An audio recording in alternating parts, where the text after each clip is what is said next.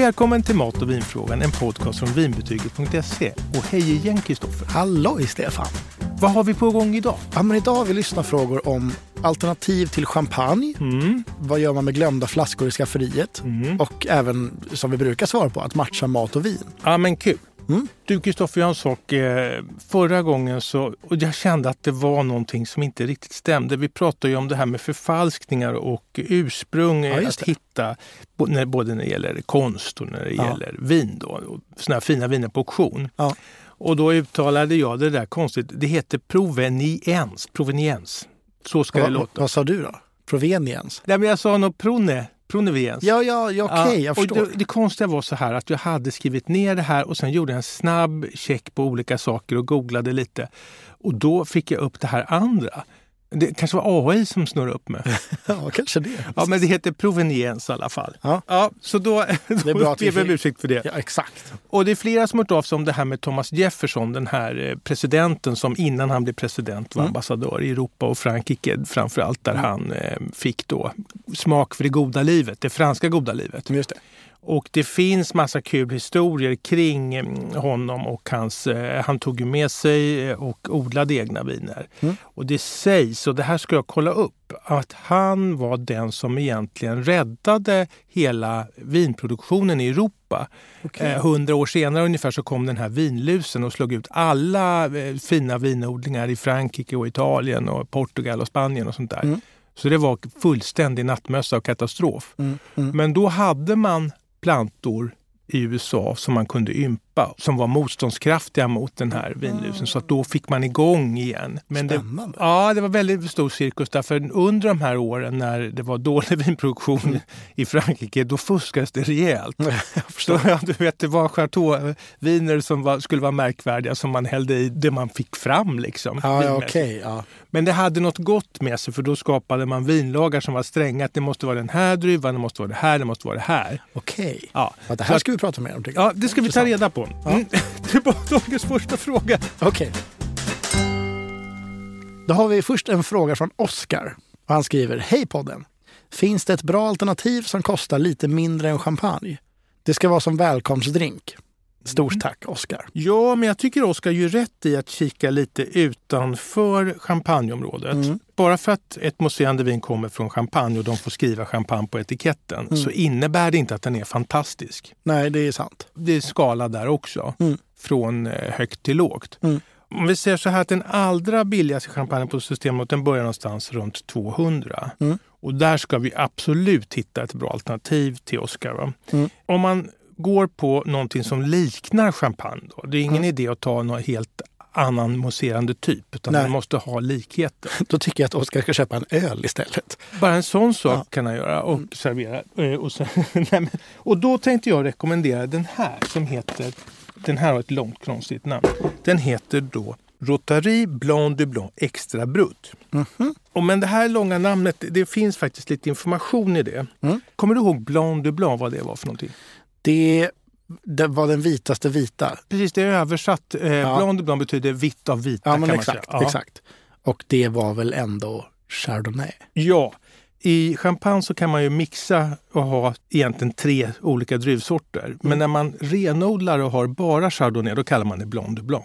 Okej, just det. Och Just den här italienska då, Rotary, den är en blanc de blanc, det vill säga också gjord till 100% av chardonnay. Det blir lätta, krispiga, friska viner eh, Just det. mm, av det här.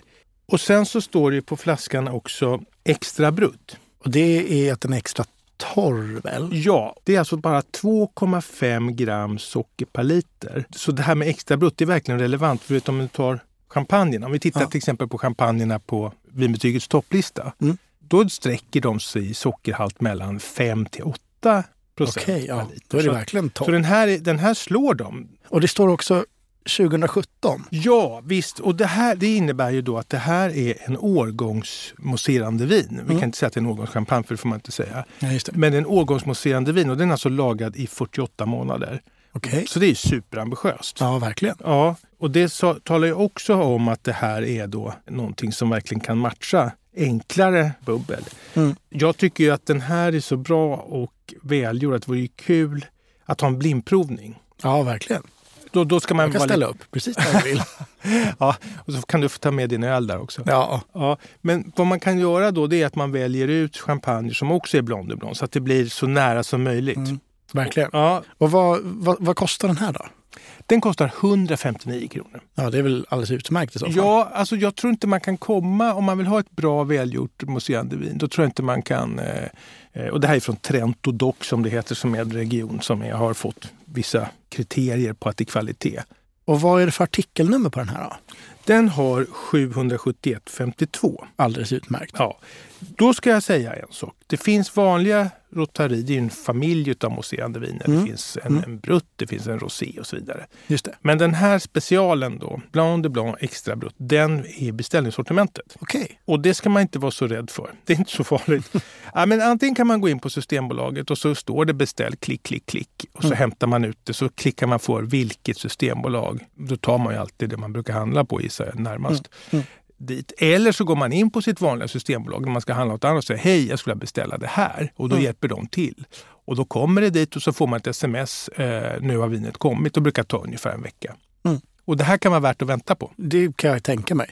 Okej, Oskar, lycka till med din, eh, din välkomstdrink. Och det är också gott med öl om du vill ha det. Lyssna inte på Kristoffer. Och här kommer en fråga från Hanna. Hon skriver också hej Mm. och tack för en bra podd. Lite skämmigt, men långt bak i skafferiet så hittade jag en flaska prosecco. Den har säkert stått där oöppnad i fyra år. Går den att dricka? undrar Hanna. Hej Hanna, det där är högst mänskligt och jag tror det händer ganska ofta. Eh, jo, men så här är det med, prosecco. Som, om man tittar på den här eh, hela skalan av olika mousserande viner så är det så att den som ska drickas ung, Mm. som inte alls vinner på att eh, lagras eller vänta, det är prosecco. Okej. Och jag tycker nog att fyra år är gränsfall faktiskt. Det finns inget sätt, inget facit exakt. Nej. Det beror lite på olika saker, hur bra har den har klarat sig. Och det behöver vi inte gå in i detalj på. Så man måste faktiskt öppna och smaka. Men om den har stått i en bastu i fyra år så kanske man kan slänga den direkt. Ja, Men i skafferiet låter bra. Men Ja. vad, vad är det som kan hända då? jo, men om man öppnar den där så kan det vara så att ett vin som har stått för länge eller legat för länge, hur den har varit förvaras, det kan tappa i smaken. Alltså Mm. det känns lite platt, trist. Bubblorna har liksom mattats av och även smaken. Mm. Men jag vill säga att det är absolut inte farligt. Nej, just det. Det är bara kanske lite tråkigare än vad det borde vara. Ja, det, det är inte sådär Nej. så. Man kan ju blanda i någon drink kanske. Så inte man, Ja, det är sant. Ja. Ja. Men alltså, vad som var bra var väl att Hanna, din flaska verkar ha stått i ett skafferi där det är mörkt och det är eh, bättre än att den har stått ljust. Ja, men verkligen. Ja. Jag brukar inte heller städa mina skafferin på fyra år. Det är helt okej. Ja. Men står det någon sorts datummärkning på flaskan? ja, det här är väldigt synd. Det gör inte det. Gör det aldrig det? Jo, alltså jag, så här kan man säga. att Om vi skiljer på dem där det står eh, röda viner till exempel Mm. och vita viner. Som regel så står det ju en årgång på dem. Ja. Och då har man ju en fingervisning när de är gjorda. ja. Men sen så är det ju så, bara för att om det är gjort 2015 så kan det ha blivit dåligt ändå för att det har gått så många år. Mm. Men man vet i alla fall när det är gjort. Många viner står ingenting på. Det kan stå non-vintage, alltså de är årgångslösa. Mm. Och en sån här prosecco brukar alltid vara det. Det. Men det kan i vissa fall, om man vänder på flaskan så finns det en liten där det står IAN-koder och lite information. Mm. Så står det ett nummer som börjar med ett L, ett versalt L och sen så kommer en sifferrad. Okej. Och då är de två första siffrorna är årtalet. Mhm. Så om Hanna tittar på sin flaska så skulle det kanske stå då L19. Då är det 2019. Just det. Det kan man alltid titta på eh, om det finns den Mm. sifferkombinationen Mm. som en indikation. Och jag, jag har gjort det själv några gånger och tänkt att det här kanske är för gammalt. Men, men det, det, ofta så är det inte så gammalt som man tror när Nej. man ser det numret. Men man har aldrig någon form av bäst före-datum eller sånt där? Inte som nej, nej, och jag, jag, det finns ju på boxviner så står det ju när det är tappat och när det är bäst före. Och Mm. där är väl klurigt också för att det är en jätteskillnad på om det är öppnat eller inte. Ja, nu just det. pratar vi egentligen om oöppnade viner. För det är en annan historia när de är öppnade. Då är det ju Mm. väldigt liksom, korta tider vi pratar om. Då pratar man en vecka eller sådär Mm. oftast. Men och hur är det med annat bubbel då? Eh, Håller, är det bara prosecco som håller sådär kort? Ja, det håller i alla fall utav de mousserande varianterna så är Ja. det som håller kortast. Och det har nog att göra med att det är det enklaste vinet. Just det. Men om, säger, om du har en champagne hemma, Mm. en standardchampagne utan årgång Mm. och vi säger att den är gjord för något år sedan eller två brukar det väl vara i alla Mm. fall innan den kommer hit. Då håller den fem år säkert. Ja, okej. Ja. Och kava är ju också gjord på det här sättet att den har lagrats först. Ja. Och det innebär att den håller längre. Så den håller också tre till fem år. Okej. Och sen så kan man väl säga då att årgångschampagne brukar vara lagringsbar. Mm. Den har haft sin lagring och det innebär att den av någon anledning då har den redan oxiderat lite så då håller den ännu längre. Men jag, jag tycker så här att det är lite vanskligt när det börjar bli ett antal år. För Mm. vad som kan hända är att det blir platt och smakar inte bra helt enkelt. Nej. Och ofta så, om vi säger du får en fin flaska i, i present och så lägger du undan och tänker den här ska jag ta vid ett visst tillfälle. Mm. Man kanske säger ett, en, ett nyår eller en födelsedag eller fira någonting. Mm. En ny poddstudio. Eller Ja, exakt. Ja, visst. Mm. Och då, då kan det ju vara så att det inte blir av. Jag kan ta ett exempel. Jag fick för 25 år sedan två flaskor Bourgogne av två kompisar och eh, de där stoppade jag undan. Och de, jag, jag tyckte de där ska man ju ta vid ett speciellt tillfälle och det ska bli jättegott och kul. Och så, men de har ju legat där fortfarande. Mm. Och så pratade jag med importören och, och han bara skrattade. Det där kan du hälla ut direkt. Ja, det känns som en klassiker sådär att man, precis, att man har så fina grejer som man inte dricker någonsin. Nej, just det. Och det är ju verkligen waste. Ja. Så man ska nog faktiskt våga sig på det här. Men jag tycker det är lite mänskligt att behålla dem för att man tycker att åh, det ska vara så special. Ja. Det, det, är, inte, det är inte så. Men jag, mina kompisar då, eh, jag ska bjuda hem dem på en middag, Henrik och Micke. Och då ska vi drick, öppna de där flaskorna och så ska jag gardera. Ha Ja. några goda, vettiga viner bredvid. Ifall det inte går. Nej, det är bra. Ja, men då det, är kul. blir det någonting av det. det är kul. Och så har vi också en fråga från Julia. Mm. Hej! Finns det ett enkelt råd för att matcha ihop mat och vin? Ja, Julia, det där är ju någonting som Det var en grandios fråga. Ja, och den är alltid relevant och jag tror många undrar, är det, blir det här gott ihop och så här? Va? Vilket vin ska jag ha till det här? Och, ja, vi får ju mycket mejl från lyssnare som ska laga någonting och så säger man vad ska vi servera till det här? Mm. Man kan göra det här väldigt eh, avancerat och komplicerat. Mm. Eh, eller så kan man, ja det finns några, tycker jag, bra enkla förhållningssätt. Och då, då gör att man börjar fundera lite att man inte läser sig till liksom en lösning utan att man, man tänker lite på Mm. hur saker smakar. Mm. Och då blir det ganska bra. I vinvärlden är ju väldigt mycket krångligt. Hur viner smakar och doftar och så vidare är ju otroligt komplext och Mm. mycket saker. Men här så kan man förenkla och säga bara till exempel att lätta maträtter med en mild smak, de passar med lätta viner. Det låter ju nästan barnsligt enkelt, men så kan det vara. Om vi säger att du har en, en fisk som är hälleflunder eller gös. Mm. Då är det lätta, eleganta viner till det. Mm. Det är inte ett kraftigt rött. Nej. Ett annat exempel är kyckling som många gillar att äta. Vi brukar ha med det.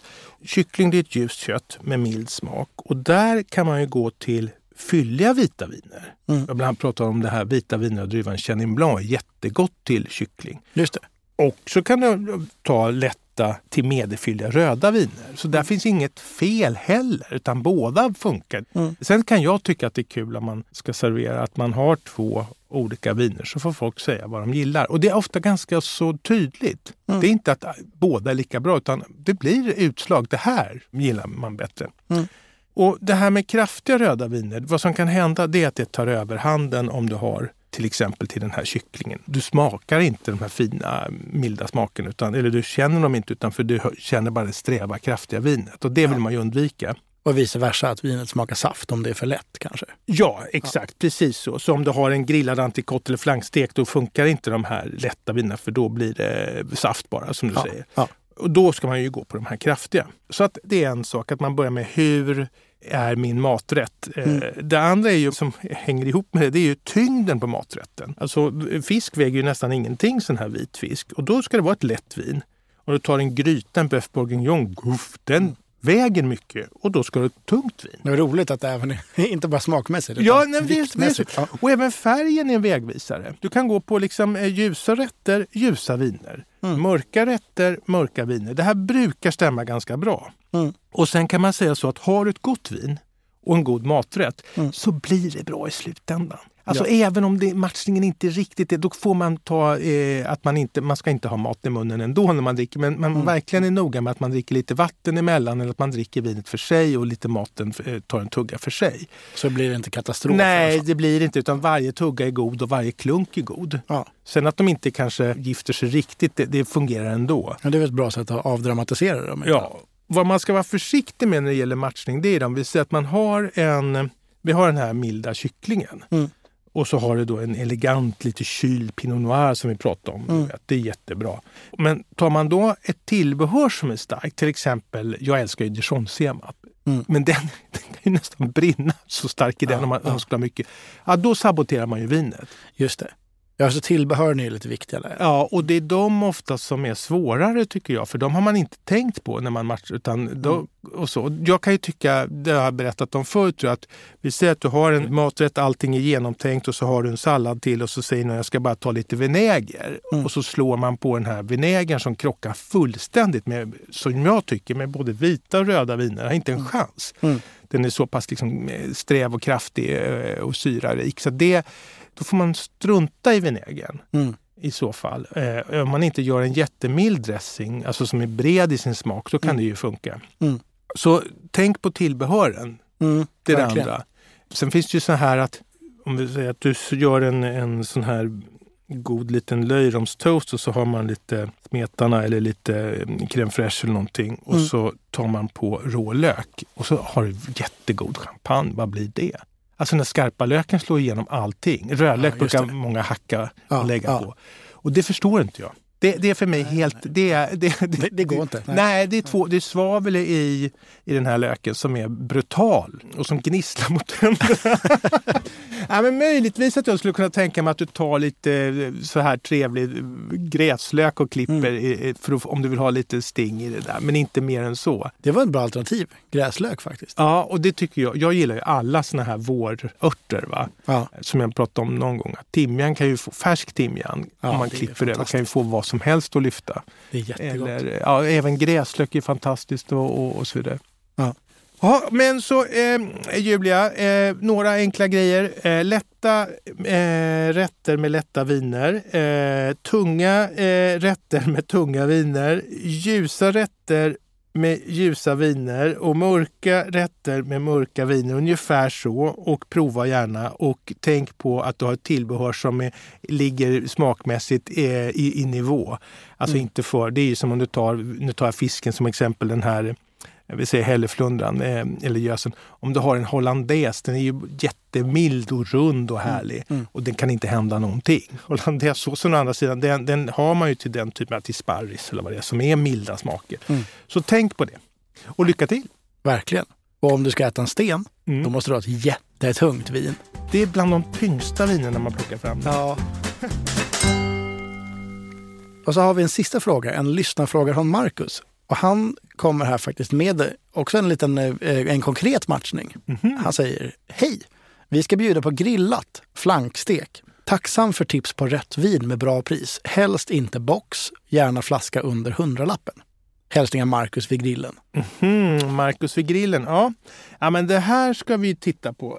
Det här vinet, det har Ja. vi haft tidigare. Men jag ser ingen anledning till att vi måste hitta nya viner. För finns det bra viner nära till hands så vill jag gärna tipsa om dem. Och det är viner som jag vet brukar fungera, Ja, säkra verkligen. kort. Och det här heter Sigredos Organic. Det är från Portugal. Med nyckeln på etiketten. Ja, exakt. Och nyckeln är ju då att Sigredos, det är hemlighet och det var så att man på vingården där, Casa Relvas i Alentejo i Portugal, där bevarade man hemligheten hur man gjorde vin när det kom in diktaturer och la sig i ja, hur man skulle... Jättekul story. det där. Ja, så än idag så, så ja, har man samma metoder. Och det här Segredos det är ju då ypperligt för sitt pris. Så då har vi pratat om hur kan det komma sig? Jo, men det har att göra med att Portugal inte kan ta ut lika mycket som märkvärdiga Frankrike. Ja. Motsvarande vin i Frankrike eh, om det här då. Nu ska jag berätta att det kostar, så hoppas Marcus att det är okej för om det kostar 99. Så Ja, just under hundralappen. Men det här i Frankrike skulle säkert kosta du vet, 130 eller någonting. Ja. Så. ja, men det är väl lite som mousserande utanför champagne. Fast där, där, så får man nog... Champagnemänniskorna de säger att det är värt varje spänn och det som är utanför, Ja, det, det kan man, nej, det, det, det går inte ens att prata om i samma mun. Nu har ju vi gjort det med Rosary Ja, exakt. Så förlåt för alla som tycker så, Ja. men ändå. Ja, men vi tycker som vi tycker. Ja. Men i alla fall, så jag tycker då det här Sigredo som är då, det är hållbart val och det är ekologiskt. Mm. Och den här vingården, de har ju då, det har tror jag också vi har berättat om, mellan eh, vinrankorna där så har man små får som bitar, Det betar var i- där de hade det ja. Ja, de betar i sig ogräs och annat så de håller rent och sen så slipper de använda massa bekämpningsmedel. ja. Det här är medelfylligt och härligt och det kan liksom med fördel se till att det är lite svalt. Mm. Och det här tycker jag är också grillsäsong att många ställer vid grillen vinflaskorna för att det ser trevligt ut men då går de upp i temperatur och blir bara smakar saft. ja, just det. Eller marmelad smakar de. Det är gott, men inte som vin kanske. Nej, man kan hälla lite på smörgåsen om man vill. Och testa. Ja, men i alla fall så eh, det här är ett säkert kort och det har en låg sockerhalt. Mm. Mindre än 3 gram per liter. Det tycker jag är superbra. Det var väl kanon. Mm. Och vad är det för nummer på den här? Ja, men det har ett trevligt kort artikelnummer. Det är det bästa. 2603. Ja. 2603. Mm, mm. Ja. Så det, det finns på de flesta systembolag och jag hoppas att eh, Marcus eh, får nöjda gäster där på grillmiddagen. ja, verkligen. Mm. Skål! Men eh, Kristoffer, det här kanske var allt för idag. Ja, men jag tycker det lå- låter alldeles utmärkt. Ja, jag tror att nästa avsnitt så ska vi också ha mycket midsommarviner. Och Ja. alla lyssnare, ni får gärna skriva in vad ni önskar för eh, tips kring det. Så då vill bara tacka för idag. Ja, verkligen. Tack alla som har lyssnat. Så hörs vi snart. Ja, och tack Kristoffer. Tack. Hej då! Hej! Har du frågor om mat och vin? Alla frågor är välkomna. Maila till mig på stefanvinbetyget.se Sit.